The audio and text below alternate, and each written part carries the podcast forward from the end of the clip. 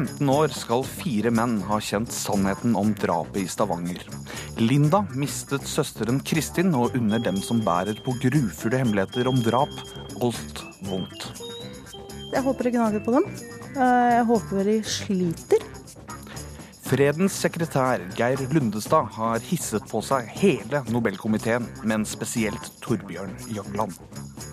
Hadde disse herrer vært la oss si gorillaer eller, eller bavianer, eller sånn, så hadde de gjort det som alfaene flest. Stått på hver sin haug og dunka seg på brystet og laget rare lyder. Og de vasser i penger, men vi vet nesten ingenting om dem.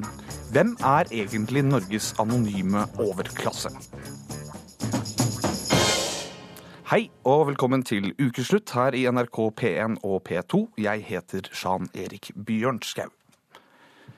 Nylig ble fire menn varetektsfengslet, siktet for drap og medvirkning til drap på Tina Jørgensen. Skal vi tro mannen som til slutt varslet politiet, så har de fire holdt på hemmeligheten om Tinas skjebne i 15 år, før hemmeligheten ble for tung og den ene røpte seg. Alle de fire nekter straffskyld. Mange er lettet, men Linda Juel Johannessen håper det svir for de som er tatt. Dersom de har noe med drapet å gjøre. Jeg håper egentlig å ha hatt det grusomt. For det første så har de jo tatt livet av Tina. Samtidig så har de påført familien til Tina enormt med smerte. Øynene hennes er blanke, men bak tårene gnistrer det et raseri. Ja, jeg, jeg håper det har gnagd dem i så mange år. Samme, samme med den gjerningspersonen vi har nå eh, i saken til Kristin. Jeg håper det gnager dem. Linda Julie Johannessen var 19 år da søsteren Kristin på 12 ble drept i Larvik i 1999. Siden den gang har storesøsteren slitt med posttraumatisk stressyndrom og er som 35-åring i sin første jobb. Linda tror de som har begått drap, lever lettere med sine grufulle hemmeligheter enn de etterlatte som må leve uten svar. Eh, de har familie, de har tatt utdannelse, de har gjort alt det som uh, man ville gjort normalt sett. Uh, likevel så har de gjort en av de mest grusomme tinga man kan gjøre mot et annet menneske. Så går de bare videre. Med familie og barn og alt sånt. Jeg skjønner ikke hvordan man kan leve sånn. Da vil jeg begynne med å orientere om at en mann på 36 år han er nå på Foran et fullsatt og overraska pressekorps kunne politiet i Stavanger sist uke fortelle at de hadde pågrepet den første av totalt fire for drap og medvirkning til drap på Tina Jørgensen. I de 15 åra som er gått, har ingen klart å finne ut hvem som drepte 20-åringen. Men så orka ikke en av de fire å holde på hemmeligheten lenger. Det er ikke første gang det skjer. En 67 år gammel mann i Namsos innrømmet like før han døde denne uken at han drepte to unge kvinner i Trondheim for 30 år siden. Lillejulaften 2005 kom den oppsiktsvekkende nyheten om at en mann hadde innrømt to drap i Trondheim på 70-tallet. De samme drapene Fritz Moen hadde sona mer enn 18 år for, helt uskyldig. Like før jul så eh, kommer jeg på eh, kontoret mitt som vanlig og får da en telefon fra eh, sykehuset Namsos og får beskjed om at de har en døende pasient som har begynt å snakke om at han, at han har begått drap i Trondheim. Inge Thorseth var prest på vakt da en 67-åring ønska å fortelle om hemmeligheten han hadde gått med i nesten 30 år. Jeg spør han da om, eh, om eh, navn og, og, og, og, hva han husker. Det er ikke veldig mye han har å fortelle, men han ville at uretten mot Fritz Moen skulle gjenopprettes. Så da tenker jeg at det, det har han tenkt mye på, at en hadde sona mange, mange år i fengsel for forbrytelser som han ikke hadde begått. Hva med deg, ville du fortalt denne hemmeligheten videre uansett? Nei. Det som er nøkkelen nøkkelen til, til et fortrolig rom, det er jo at det som eh, deles i dette fortrolige rommet, forblir i det rommet. Selv ikke om eh, det sitter etterlatte som lider fordi de ikke får mm. svar? Mm. Mm. Ja, og han som ba meg om å være budbærer, han, eh, i, i møte med han så har jeg gjort det han har bedt meg om. For den som kommer og bare ønsker et sted å, for, å, for å få sagt det som skal sies, og sagt det som trykker, ja, så blir det der. Vi ønsker på nåværende tidspunkt ikke å gå i detalj. Ifølge politiet i Stavanger har en av de sikta forklart seg både om egen og andres rolle i drapet, altså røpa hemmeligheten for alle fire. Eh, hadde jeg gjort som denne mannen hadde gjort, så hadde ikke jeg vært i live i dag. Daniel Raza Shah har kort, svart hår, tatovering på halsen og en genser det står pøbler på. 24-åringen har aldri begått drap, men har tilbrakt fem år av livet sitt i fengsel for vold, ran og narkotikasalg. Og selv om han nå sier han er ferdig med kriminalitet, lever han fortsatt etter den gamle kodeksen for kriminelle. Det går rett og slett på ære, er at hvis jeg blir tatt med buksa nede og blir tatt for noe, og hvis jeg velger å stå for det, så er det viktig at jeg står for det og ikke blander inn andre. Eh, hvorfor det er en sånn kodeks, det vet jeg ikke. Men når du velger å bli kriminell, så velger du å godta det. Hvordan tror du det har vært å holde på den hemmeligheten her i 15 år? Jeg tror det har vært vanskelig i starten, og så har det blitt rettere. Og så har det blitt verre og verre. Det er jo sånn, da tenk deg at uh, hvis du tar livet av et menneske, så har du valget mellom å innrømme det og sitte mellom 10 og 20 år i fengsel å være stille og leve i det fri. Og det er jo den feige løsningen. Så nei, det er ikke greit å være stille angående det. Men jeg tror at jeg ville prøvd det, vært så feig at jeg ville prøvd å holde munnen om det. For å beholde friheten. For det er på en måte det kjæreste vi har. Men denne kodeksen, den er jo da uten unntak, ikke sant? Mm. Og hva når det sitter etterlatte og plages av at de ikke vet hva som har skjedd? Er det noe formildende i forhold til kodeksen? Nei, det er det dessverre ikke. For det her, er jo da førsteklassebildet hennes.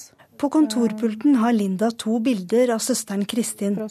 Inni ei ramme som ser ut som en bamse, smiler skolejenta fornøyd, og på et familiefoto sitter hun i bunad med en hund i fanget og et flagg i handa. Det skulle bli hennes siste 17. mai. Når du sitter der, og du sitter igjen uh, Man har mista en datter, en søster. Vi sitter her i sorg. Og det, det er en belastning uten like. Så det at man da holder noe for seg sjøl pga. en taushetsplikt eller en kodeks Man burde kanskje tenke litt lenger enn bare akkurat den ene kriminelle som har utført handlingen. I juli kunne Linda og resten av familien avslutte sin private drapsetterforskning. Politiet hadde da nye DNA-bevis mot en 38-åring som i årevis har vært mistenkt for drapet på Kristin. Han har jo bodd i samme kommune som oss. Han har jo bodd i Larvik. Ehm, vi, selv om vi som familie ikke har hatt noen grunn for å holde oss unna byen, så har vi gjort det. Vi har dratt til andre byer. Vi har holdt oss unna. Rett og slett fordi at vi har kunnet oppleve det å møte han. Ehm, det er jo ingen av oss som har ønska det. Så det å gå rundt i byen og være redd for hvem du kan møte på, det er jo ikke noen god opplevelse. Nå så har jeg kunnet slappe av når jeg vet at uh, han er tatt.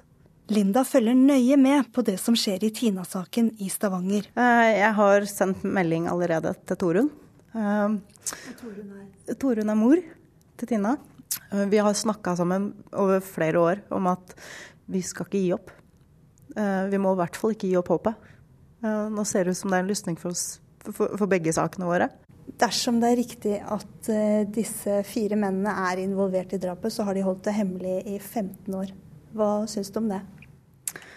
Det at fire personer kan holde noe sånt noe hemmelig over så lang tid, det er litt uvirkelig. hvis man tenker på seg sjøl, så ville man jo ikke klart det over så lang tid. Samtidig så tenker jeg det at at uh, man kanskje tenker sånn at jeg har sjøl vært med på det, det vet de andre. Uh, røper jeg dem, så røper de meg. Tror du dere vil få sannheten om det som skjedde med søstera di? Jeg tror ikke vi kommer til å få noe tilståelse. jeg ser ikke for meg at vi kommer til å få vite hvorfor. Ikke når det har gått så lang tid. I forhold til at Han sa jo ingenting den gangen, og han sier heller ikke noe nå. Så jeg håper at dette her gnager på han òg, rett og slett. Og alle de fire som er varetektsfengslet i Stavanger, nekter altså straffskyld. Det gjør også mannen som er siktet for drapet på Kristin Juel Johannessen. Reporter her var Kari Li. Ivar Fassing, du er høyskolelektor ved Politihøgskolen i Oslo og ekspert på avhørsmetodikk. Hva er din forklaring på at noen klarer å holde et drap hemmelig over mange år? Ja, det tror jeg nok er svært personlig og uh, ulike årsaker til, uh, til det. Nå, nå, snakker jeg generelt, og, og, vi legger ikke til grunn at verken mm. de som er arrestert i Stavanger eller i Sandefjord har gjort dette. Eh, men det er jo helt klart at her er det jo interessene eh, i forhold til de pårørende som står i konflikt med interessen til den som har gjort det. Eh, og de har jo enormt mye å tape, som det kommer frem i innslaget her, hvis det skulle komme frem. Mm. Og det er jo ikke sånn som man først, først kunne tro, at dersom man tilstår så oppnår man eh, veldig mye med det. Rent strafferettslig kan man få en, eh, en straffereduksjon. Men har man begått grufulle forbrytelser som drap og overgrep mot barn, så venter det jo ikke spesielt mye forståelse, selv om du tilstår. Er det mulig å faktisk miste hukommelsen og glemme et drap? Nei. Det er svært lite som tyder på det. Da må du i tilfelle få en fysisk skade. Altså et, et type slaglignende hendelse som, som, gjør at du fysisk mister minnet ditt. Et, det å begå et drap er, er en så stor emosjonell eh, hendelse at uh, problemet er ikke at ikke du husker det. Problemet er at du mest sannsynlig aldri klarer å glemme det. Ja, vi må jo spørre deg, Kaja Nordengen. Du er hjerneforsker. Er det fysisk mulig å bare blokke ut ting? Eh, det er fysisk mulig å blokke ut ting, men eh, du kan aktivt forsøke å ikke huske, huske noe. Aktivt forsøke å tenke på andre ting med en gang et minne dukker opp. Men med en gang når du har opplevd noe som er veldig traumatisk, så er det i utgangspunktet sånn at du husker det bedre enn alt annet. Det er hovedregelen. Men hvordan gjør man det? Blokker ut ting? Ja, også, eh, her så er det en forskjell. For hvis du Hvis man snakker om undertrykte minner, altså at, du, at det ikke er meninga, at du har mista hukommelsen for noe som har skjedd, det er noe som er diskutert veldig kontroversielt. Det er ikke sånn at man har funnet noe bevis for at, at man ved et traume glemmer ufrivillig. Eh, det som er eh, hovedregelen, er at man husker det særdeles godt. Og man kan forsøke å, forsøke å undertrykke det voluntært, altså eh, med vilje. Det kan man gjøre. Hva skjer i hjernen når vi vil fortrenge noe? Altså, hvis du skal fortrenge noe, så må du først ha et minne å fortrenge. Ikke sant? Sånn så, da må du først være en lagra del av minnet ditt. Og den, den lagra delen av minnet, det lagrer seg i tinninglappen. Og så etter en sånn innlagringsfase så er det mer generelt i hjernebarken. Og der vil det i utgangspunktet forbli som et lagra minne. Men hvis det som Hvis det er et minne du ikke repeterer, altså at du så lite som mulig tenker på det, så, så vil etter hvert noen av de detaljene kunne fade bort. Kan man se fysiske endringer i hjernen som følge av traumatiske opplevelser? Eh, du, Her er det ikke snakk om traume, fysisk traume, sånn som jeg forstår deg, men det er mer, mer snakk om et psykisk traume. ikke mm. sant? Eh, og hvis man har et voldsomt psykisk traume, så vil man kunne ha Der og da så vil man jo kunne ha veldig økte stresshormoner. Men på, eh, men på sikt så vil man kunne ha et kronisk forhøya stresshormonnivå. Som vil kunne virke inn på hjernen. Og på sikt så vil det faktisk de høye stresshormonene bidra til at man får redusert hukommelse. Men det vil være primært på andre ting enn det psykiske traumet. At du generelt har problemer med å lære deg nye ting. Så virker den bl.a. på den ene delen i tinninglappen som heter hippocampus. Ivar Fassing, i Tina-saken er det fire siktede. Hvordan tror du etterforskerne jobber nå? Du, jeg, jeg vil ikke gå inn på den enkelte saken. Jeg jobber jo selv i politiet. Men jeg kan generelt si at uh, det å sitte i en uh, avhørssituasjon med fire mistenkte, hvorav du har grunn til å tro at noe av dem vet mer enn andre, det er et ganske godt utgangspunkt for å få det vi kaller dynamikk. Altså for å få noen til å føle at de har mer å tjene på å si noe enn å ikke si noe. Men hvor vanlig er det egentlig å holde et drap hemmelig over mange år? Det er veldig vanskelig å si hvor vanlig det er. At det, for det første så blir jo de aller fleste drap i Norge um, oppklart. Eh, sånn at det er jo ikke spesielt vanlig. Men så kan vi heller ikke gå ut ifra at vi vet om alle drap. Det er jo de drapene som blir anmeldt og oppdaget, vi må forholde oss til. Eh, og da er det også der svært uvanlig. De aller fleste drapsmenn ringer jo faktisk til politiet selv og sier at de begikk dette. Så vi vet veldig lite. Eh, det er noe forskning på det fra, fra Sverige eh, som viser at selve møtet med politiet kan være helt avgjørende. Og hvis du møter en svært fordomsfull eller en aggressiv politietterforsker, så velger selv de som hadde tenkt å fortelle historien, å bli sittende inne med det. De føler ikke at de får den aksept eller forståelse de trenger for rett og slett levere historien sin. Så det vi underviser i norsk politi i dag, er nettopp at vi ønsker ikke å presse historier ut av noen, men vi er der for å ta imot historiene. Vi ønsker å lytte. Vi ønsker å høre din versjon. Og det vil redusere muligheten for å få historie både fra skyldige og uskyldige. Takk skal dere ha, Ivar Fassing ved Politihøgskolen og hjerneforsker Kaja Norenging. Vi vet ikke hvem de er, og de vil helst ikke stikke seg frem. De jobber som advokater, konsulenter og meglere og tjener mer enn fem millioner kroner i året. Denne gruppen må samfunnet være mer opptatt av, skrev spaltist Knut Olav Åmås i Aftenposten denne uken, og rettet dermed søkelyset mot det han kaller den anonyme overklassen. Vi sendte vår reporter Hege Holm ut for å høre mer om rikinger. Hva er en riking? Hva heter han og Ton? Han er jo en fantastisk riking. En riking? En som har en milliard på kontoen, kanskje? Er du rik, så har du tak over hodet, du har mat på bordet og sånne ting. Men uh, rikinger nå til dags, jeg vet ikke, jeg kjører fine biler og ikke trenger å tenke på å ikke ha råd til noen ting eller sånt. da. Hva tror du de er opptatt av? Penger.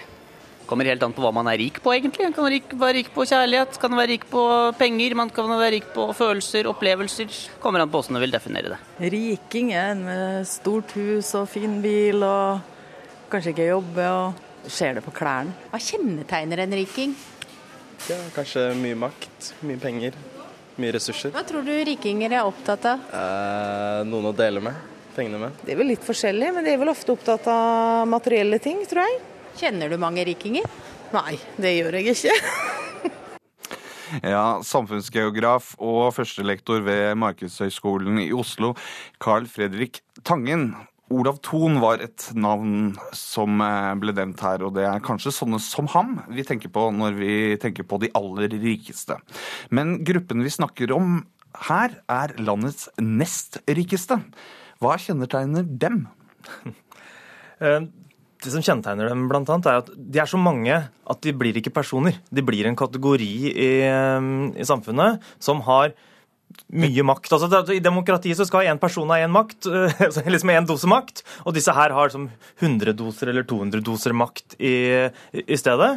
Og så har de også en sånn privat- eh, og familieøkonomi som gjør at de har noen friheter som, eh, som de aller aller fleste ikke har. Ja, du, du, du, bruker ordet kategori om dem. Hvorfor gjør du det? De er jo liksom forskjellige. Eh, det er advokater, det er konsulenter, kanskje er det eiendomsmeglere. Hvis du bare bruker penger som utgangspunkt, så blir det jo rørleggere og snekkere og sånn som har liksom folk ansatt også. Jeg tror at dem Åmås snakker om særlig, det er jo dette konsultative sjiktet. Så sånne som ikke jobber helt i staten, men som jobber altså, som eh, jobber i advokatkontorer. sånn at, Sett at når NRK skal omstrukturere, da, og skal de finne ut hvordan skal de nye arbeidsbetingelsene være, hvordan skal vi mm. motivere de ansatte, hvordan skal vi drifte hele systemet, hvordan skal vi lønne, så kommer det plutselig noen menn i dress og slips, hm. og så sier sjefen din noe som du syns er litt sånn flaut, og så kommer han der med dress, og så sier han noe som er veldig sånn klart og, og skarpt, og det er han som tjener seks millioner kroner som uh, konsulent, og som eh, avgjør at du må fylle ut skjema etter skjema etter skjema ved det som burde vært arbeidsdagens eh, slutt, fordi at de skal plassere disse tingene inn i eh, modellene sine. Og sånn blir altså, mange mange hundretusener, kanskje millioner mennesker i Norge utsatt for. Så disse menneskene her de er som premissleverandører for hvordan samfunnet skal organiseres. Og de forvalter kunnskap. og Det er jo det er sånn den kunnskapen om hvordan verden er, som ikke andre har. Kunnskapen om lover som ikke andre har, kunnskapen om hvordan du skal regne deg fram til, som ikke andre kan. Det er noe av grunnlaget for den makta. Hvor bor de, disse menneskene? De bor jo i gettoer. Det er eh, det er litt morsomt eh, når samfunnsgeografen undersøker, sånn, eh, sosiologene, hvor det er homogent, altså hvor er folk like, så er det likere områder for de rike enn for de fattige. Og de bor i Oslo vest. De bor på Slemdal. De bor i, i Bærum, i, også i mer sånn avgrensa boligområder.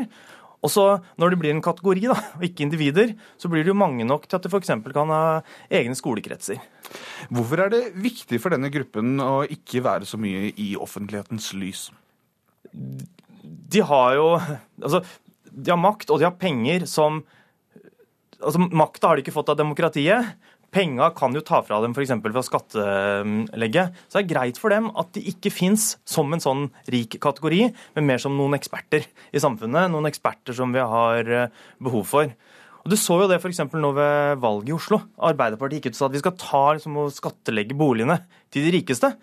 Så vant det jo ganske, altså, så var det jo en helt grei eh, argumentasjon, for det var mange de ikke ramma. Sånn at eh, de, de trenger at de får oppmerksomhet for fagligheten sin, og kanskje for en del sånn snille ting de gjør i samfunnet, ikke for privilegiene sine. Hva skiller denne gruppen fra de aller rikeste? Det her er jo en gruppe som eh, ikke eier i utgangspunktet. Selv om de kan eh, være partner i advokatkontorer og de eier jo husa sine. Så de eier liksom ikke produksjonsmidlene. De selger kunnskapen sin? Ja, og, og det gjør jo at de, blir nesten litt sånn sånt der smiskesjikt. Altså, det- det- Smiskesjikt, altså, det- det- Dette her er noe De er helt avhengig av at styret i NRK bestemmer at nå skal vi sette i gang en omstruktureringsprosess, og så skal vi leie inn McKinsey, eller Dagbladet skal leie inn Boston Consulting Group, eller sykehuset skal omorganiseres. Også.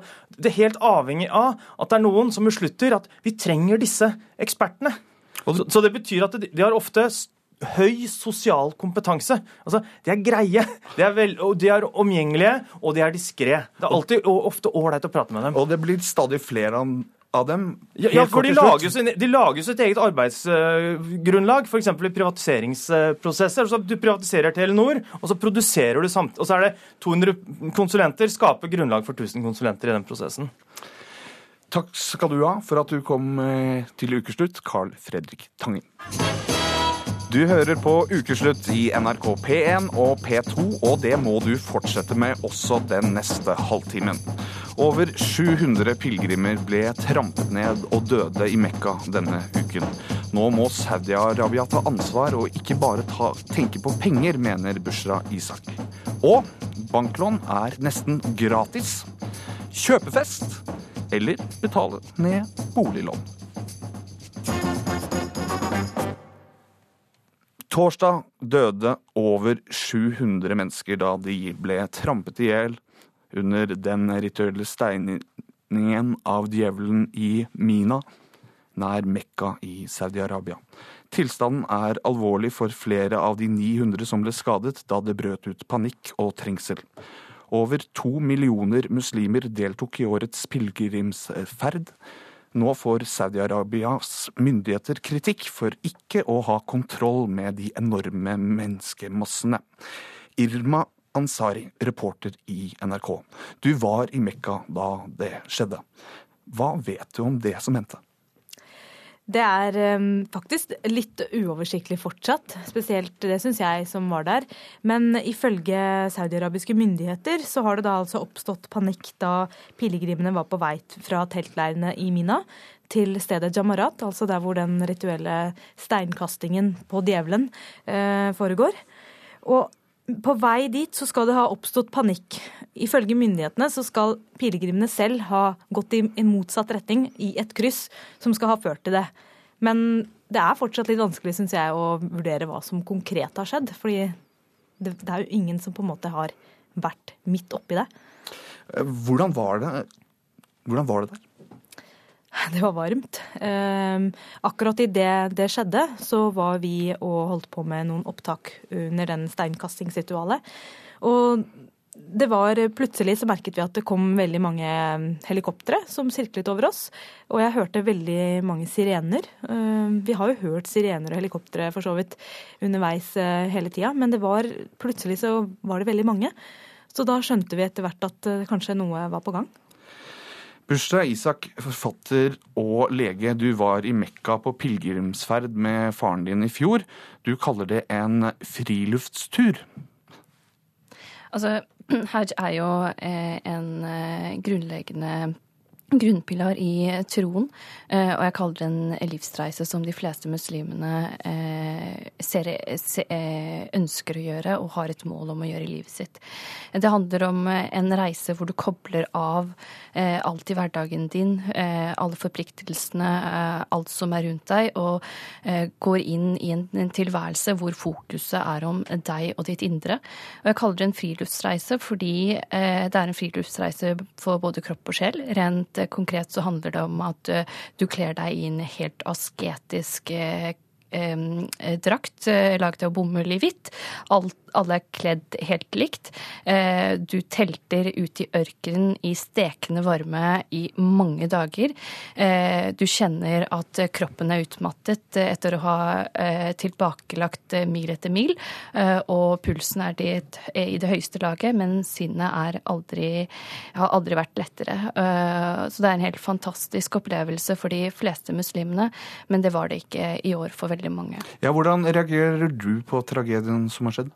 Ja, nå ble jeg jo tilspisset noe inn, veldig i innledning om at jeg legger skylden på eh, saudi, eh, saudierne. Men jeg mener at eh, dette handler om, det, dette handler om en, et, et, menneskehav av mennesker som samler seg, og antallet har vært stigende år etter år. Og det er jo i takt med at verdensbefolkningen øker og antallet muslimer i verden øker. Men det er et metningspunkt for hva menneskelig logikk og strategier kan eh, gjøre for å hindre ulykker når mange nok mennesker er samlet. Og det metningspunktet er nådd for ganske lenge siden. Uansett hva som har skjedd her, om det var panikk eller om vegg som raste ned, så må man ta ansvaret for å ha eh, konsekvente og gjennom, eh, gjennomførbare eh, reguleringsmekanismer for at antallet mennesker som eh, kan være til stede under hajj. Og der mener jeg at saudiske myndigheter svikter. Som sagt eh, flere ganger her, det skjer ofte ulykker på hajj. Det er skjebnen når alle som reiser til Mekka er forberedt på at de kan dø under reisen. Det sier Abdi Malik til Aftenposten. Han har vært i Mekka. Er det mange som tenker sånn? Jo, men dette er altså Det, det, det er klart. Eh, menneskeliv kan gå tapt når som helst, og man er innstilt på, eh, på det i denne reisen også. Men jeg, jeg syns det er en passivisering hvis vi reagerer på den måten, og det samme gjelder den måten saudiske prinsen har reagert med, med å legge skylden på ofrene.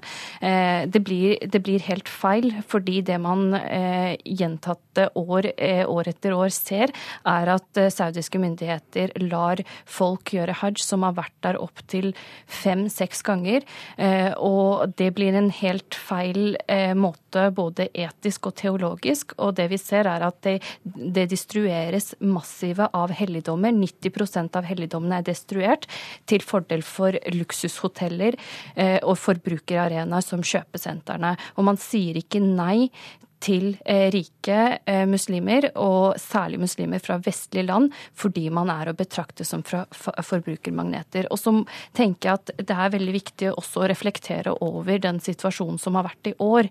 Eh, Saudierne eh, sa tydelig fra at de var redde for De var ekstra var på ekstern terrorfrykt fra IS, og de er i krig med Jemen. Spørsmålet også her er om de har prioritert opptrapping for, til Eh, på bekostning av intern sikkerhet eh, og logikk. Laila, Laila Makbul, stipendiat ved Universitetet i Oslo. Du bor i Riyadh i Saudi-Arabia. Hva har myndighetene sagt om eh, denne tragedien? Eh, vel, altså De sier jo først og fremst det Bushra Isak eh, har allerede eh, kommentert, nemlig at eh, dette skyldes først og fremst eh, mennesker som på en måte ikke helt eh, har fulgt eh, de, de reglene som allerede er blitt fastsatt av myndighetene. Og pga. mangel på koordinering fra menneskemassene selv, så har dette da ført til denne tragedien som vi, som vi ser. Du mener eh, det er bl.a. gjestfrihet som driver Saudi-Arabia til å åpne grensene for millioner av pilegrimer. Hvorfor eh, begrenser de ikke tallet på pilegrimer slik at de klarer å kontrollere massene? Vel, Det har allerede blitt innført eh, restriksjoner. Etter det jeg er klar over, så er det fem års ventetid eh, på å dra til Mekka hvis man allerede har vært der. Eh, Og jeg tenker, eh, altså Med over 1,5 milliarder muslimer i verden, eh, så er det veldig vanskelig å begrense det mer enn det det allerede har blitt gjort. I år så, så vi da at det var en grense på ca. 2 millioner muslimer. Men nå foregår det også en massiv ekspansjon av, av helligdommene, som gjør at myndighetene har som mål å faktisk åpne for enda flere pilegrimer i framtiden. Og allerede neste år så sier de at de kommer til å øke det til fem millioner, og så de fem kommende årene til 30 millioner mennesker. Iram Ansari fra Norge er eh, det rundt 325 personer som har deltatt på pilegrimsreisen. Hva vet vi om dem? Jeg snakket for kort tid siden igjen med Utenriksdepartementet, og de sier også i dag at ingenting tyder på at nordmenn er involvert. Jeg har også selv snakket med nordmenn da jeg var der nede. Det var noe av de første tingene vi gjorde, eh, var å ringe rundt til de vi hadde kontakt med, og de hadde det, de hadde det greit. Så per nå så er det ingenting som tyder på at nordmenn skal være involvert. Bushra Isak, jeg så at du veldig gjerne ville inn her, men det må være veldig kort. Ja, altså, eh, Saudierne sier at de ønsker å ekspandere både i forhold til høyden av moskeen og når det gjelder disse hotellene, men det de ikke tar høyde for, er at når menneskene er der ute og utfører den eh, hajj, så er, er mengden altfor stor til at de kan kontrollere. Og de har gjort en god del tiltak, men metningspunktet er eh, nådd for lenge siden. Takk skal dere ha, Irma Ansari, Bushra Isak og Laila Makbul. Fredens sekretær Geir Lundestad har fått Nobelkomiteen på krigsstien med sin nye bok om sine år som sekretær for komiteen. Han skriver at Jagland hadde hull i kunnskapen om internasjonal politikk, og at han hintet til pressen om hvem som skulle få fredsprisen, og at han ikke skrev så mye av nobeltalene selv. Løgn og svarer Jagland. Torbjørn Jagland. Og Lundestad mistet kontoret sitt på Nobelinstituttet. De minner om alfahanner som dunker seg på brystet i dyreriket. Det mener zoolog Petter Bøckmann. To store hanner som begge to må kunne sies å være på toppen av sin karriere og litt mektige og litt under seg. Det er det vi kaller for alfahanner i dyreriket. Så hadde disse herrer vært la oss si gorillaer eller, eller bavianer, eller sånn, så hadde de gjort det som alfahanner flest. Stått på hver sin haug og dunka seg på brystet og laget rare lyder. Vi hadde stort sett et godt samarbeid. Jeg skriver at han hadde betydelige kunnskaper om internasjonal politikk, men at det var hull i dem. Jeg forsvarer til og med hans engelsk, som vi jo fikk masse reaksjoner på. Den var helt adekvat. Litt av et karakterdrap! Geir Lundestads bok 'Fredens sekretær' har skapt mye ufred i Nobelkomiteens rekker. Først bare lo Torbjørn Jagland, og ville ikke kommentere påstandene i boka. Nei, det er, jeg, Av hensyn til komiteens integritet og virke fremover, så vil ikke jeg gå no, inn på noe av det som her eh, fremkommer. Det er en veldig spesiell komité eh, jeg sitter i, og vi er nødt til å ha eh, tillit til hverandre. Men så klarte han ikke å holde seg likevel. Den sekretæren er jo en støttefunksjon til de, eh, til, til de fem, og han er ikke et eget medlem av komiteen. Det var kanskje noen ganger og vanskelig å forklare. Det er mange dyr som er sånn at de står bare og måler gevira på hverandre, og så gir de seg når de ser at den ene har større gevir enn den andre. Problemet er når de gevira er akkurat like store. Da må det altså mannedyst til for å avgjøre hvem det er som er sjef. Kan hende er det den situasjonen vi har røpt opp i her sånn. Vi forlater zoolog Petter Bøckmann et lite øyeblikk. Ja, Dette er jo to personer med robuste selvbilder, eh, så det er ikke så overraskende kanskje at de eh, tørner sammen i denne konflikten. Nils Petter Gleditsch har lest boka Fra perm til perm. Han er eh, ekspert på fred ved fredsforskningsinstituttet PRIO. Men jeg syns jo Jagland, når han liksom bare leser eh, løgn, eh, injurier, eh, infame angrep inn i det som Lundestad har skrevet, så overdriver han jo betydelig. Det er jo et mye mer nyansert bilde som gis av de forskjellige i komiteen, også av Jagland. Men hvordan eh, kan det bli fred i eh, Nobelkomiteen igjen, da? Ja, som sagt så tror jeg at det kommer til å, å legge seg, og at uh, komiteens arbeid ikke vil bli så veldig påvirket uh, av uh, dette. Det er jo mulig at noen vil være litt mer forsiktige med hva de sier på neste møte i komiteen. Tilbake til gorillaenes verden. Ja, disse to gutta her har vel, ja, i hvert fall så langt jeg kan se, da. det er sikkert noen som vet bedre enn eh, dette enn meg, men egentlig ingen verdens ting å vinne. Ammunisjonen til disse to gutta, det er deres eh, ære og troverdighet, og det er klart den bruker de opp begge to. Men hundene i denne verden, hvordan eh, forholder de seg når det er eh, kamp? Når hanngorillaen barker sammen, så sitter hunngorillaen stille og rolig under et blad og spiser bananen sin og venter på å se hvem det er som vinner. Og det er jo også kvinner med her. Kasi Kullmann Fiva har vært nevnt. Og hun gjør som en del hunder. Sitter i fred og ro og lar gutta dumme seg ut og holde munn. Det er kanskje det lureste hun kunne ha gjort. Reporter i dette innslaget var Linn Beate Gabrielsen. Denne uken ble det nesten gratis å låne penger. Norges Bank satte ned renten, og bankene fulgte etter. Kjøpebonanza eller betale ned lånet. Agnes Bergo, daglig leder i Pengedoktoren. Hvem har grunn til å smile ekstra bredt nå? Ja, det er de som allerede har boliggjeld. De har grunn til å smile ekstra bredt. Men så er det jo mange som ikke har grunn til å, å, å smile ekstra bredt. F.eks. de som har penger i banken. De får nå negativ avkastning når du trekker fra skatt og inflasjon. Men eh, du gir altså folk råd om privatøkonomi. Hva bør folk gjøre nå, som eh, har boliglån f.eks.? Ja, altså, fordi eh, renten er unormalt lav, og det har den vært lenge.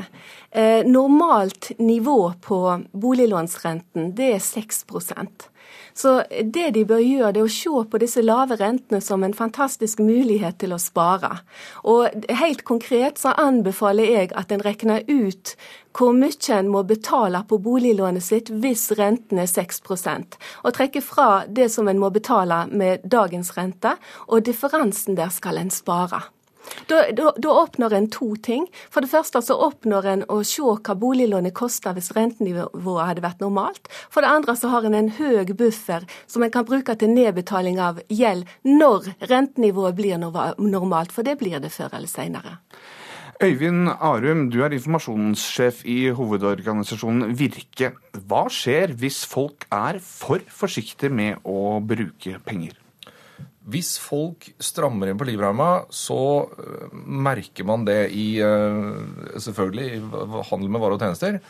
Uh, og det er vanligvis et ganske alvorlig tegn på at man går inn i en, en ganske alvorlig økonomisk krise. Altså sånn, uh, 2008 så begynte man å se tegn til det i store deler av verden, også i Norge. Og det var da Kristin Halvorsen advarte mot at hvis man skulle pusse opp badet, så måtte man ikke utsette det, man måtte bare gjøre det. Um, men det er jo sånn som Erna sa på handelskonferansen til Virke nå denne uka her, at vi er ikke inne i en krise. Uh, og det, det, ser vi jo også på våre prognoser for uh, handelsnæringa, der vi ser at det ser ut som vi kommer til å ha en ganske sunn vekst fremover. Vekst fremover. Um, og det er fordi vi har hatt en høy sparerate lenge, uh, selv om vi nå kommer til å få noen Vi hadde et ganske lavt lønnsoppgjør sist. Vi kommer nok til å få noen lave lønnsoppgjør også framover. Uh, og det, det, kommer nok også til å føre til at noen tar ut den spareraten som har vært høy, uh, i å si, opprettholde den livsstilen og det forbruket som man har hatt. Agnes Bergo, hva tenker du om det Arum sier her? Ja, jeg, tenker, jeg er helt enig i at vi er ikke i noen krise nå. Men jeg syns det er veldig eh, skummelt hvis folk lar seg forlede til å ta opp lån ene og alene fordi renten er lav, og særlig da boliglån. Fordi eh, renter er ferskvare, mens boliglån er noe som en gjerne bruker 25-30 år på å nedbetale. Hvis du går 25-30 år tilbake i tid, så var boliglånsrenten 13 Eh, det er ingenting som skal tilsi at vi får det rentenivået igjen, men vi vet ikke. Det er risikoen med å ta opp lån. Vi vet ikke hvordan renten kommer til å utvikle seg. Og tar du opp stort lån, har du høyt lån, så er økonomien din sårbar. Ja, det, ja det, er, eh, det, er, veldig riktig, og derfor er det jo bra at eh, sentralbanken og sentralbanksjefen ga signaler om at det kommer til å være en langvarig lav rentebane framover. Eh, det er veldig viktig for de delene av næringslivet som, eh, som handler varer Eller som eksporterer, selvfølgelig. Eh, og det også, sier også noe om hvordan kronekursen kommer til å ligge framover. Så det er viktige signaler, og det gjør også at man kan planlegge lang tid framover, både når det gjelder personlig økonomi, men også for næringslivet. Altså, det som er mitt råd til eh, privatkunder nå når det er lav rente, det er at en skal ha respekt for gjeld. Det er to typer risiko en påtar seg når en har gjeld. For det første så kan renten stige, selv om alle tror vi har lave rentebaner, så kan de ta feil. For det andre så kan inntekten bli lavere. Inntekten blir lavere stort sett i to eh, situasjoner. Det er når vi blir arbeidsledige, og når vi blir pensjonister. Og hvis det er ei gruppe jeg er spesielt redd for, så er det disse nestenpensjonistene som jobber fullt og har full lønn, samtidig som de tar ut full pensjon. Hvis de bruker denne enorme inntekten i de årene der til forbruk, da kommer de til å få en enorm blåmandag den dagen de eh, lønna forsvinner, og de skal forholde seg til en lav pensjon resten av livet fordi de har begynt å spise av den tidlige. Eh, de som tar ut tidlig pensjon, de må bruke pensjon til å nedbetale gjeld. Ja, eh, Vi skjønner jo at vi bør følge rådet om å betale ned gjeld. Men det kan fort bli mer fristende å kjøpe ny bil eller dra på flott ferie nå som renta er lav. Hører folk nok på rådene fra de som gir eh, økonomisk rådgivning? Ja, de aller fleste gjør det. Eh, og så har du da noen som ikke gjør det. Og eh, Der finnes det veldig mange triste eksempler, og det ser jeg også i min egen praksis. Altså Hvis du først kommer ut i det uføret der at du har tatt for mye lån, at du ikke klarer situasjonen, da går det på alt. Det går på helsen din, det går på forholdet til familien din, det går på forholdet til arbeidsgiveren din. Det er noe av det verste du kan gjøre mot deg sjøl, det å ta opp så mye lån at du ikke klarer å betjene det.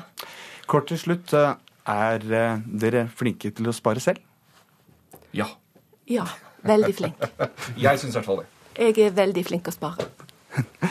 Takk skal dere ha, eh, Agnes Bergo og Øyvind Arum. Og nå er det klart for et værvarsel, statsmeteorolog Elbjørg Moxnes. Og det var en kald natt flere steder østafjells. Ja, det stemmer det. F.eks. så ble det målt minusgrader både på Rena og i Aurskog i Akershus i natt. Og disse lave nattemperaturene henger jo da sammen med at det var lite skyer i området, så det kan man jo nyte godt av nå utover dagen med mye sol østafjells. Og det samme venter vi i morgen. Og når det gjelder Vestlandet sør for Stad, så er det i dag fortsatt bygeværet som dominerer her. Men i kveld så ventes det minkende bygeaktivitet, og i morgen så blir det mye pent vær, og da særlig i de indre strøkene. Man skal være obs på at det kan ligge noe lokal tåke først på dagen i morgen. Og I Møre og Romsdal og Trøndelag så er det i dag vestlig liten kuling på kysten, og det øker på til en sterk kuling i Trøndelag. Og Det ventes regnbyger, men i morgen så minker vinden, og i morgen kveld blir det også lettere vær i disse områdene. Og I Nord-Norge i dag så ventes det bris av en nordlig retning. Liten kuling nord i Troms, og etter hvert også i Finnmark. Også her er det regnbygene som dominerer. Og i morgen så fortsetter det med regnbyger. Men utover dagen så blir det minkende vind og færre byger, og det kan bli gløtt av sol i Nordland og Troms. Opp på Spitsbergen så blir det skiftende bris, men i morgen kveld økende sørlig bris. Liten kuling i nord. Og kan hende spredte regnbyger lengst nord, eller stort sett oppholdsvær. Og til slutt temperaturene fra i dag klokka 13. Så er Tromsø 11 grader. Trondheim 10 grader. Bergen 13. Kristiansand 15 og Oslo 13 grader. Og dagens, eh, eller høyeste temperatur i dag klokka 13 den ble målt i Drammen med 16,1 grader. Og det var alt fra Meteorologisk institutt. Ukeslutt er eh, over for denne gang. Ansvarlig for eh, sendingen var Gry Baby. Teknisk ansvarlig Guri Finnsveen. Og her i studio så satt Sjan Erik Bjørnskau. Ha en fortsatt fin lørdag.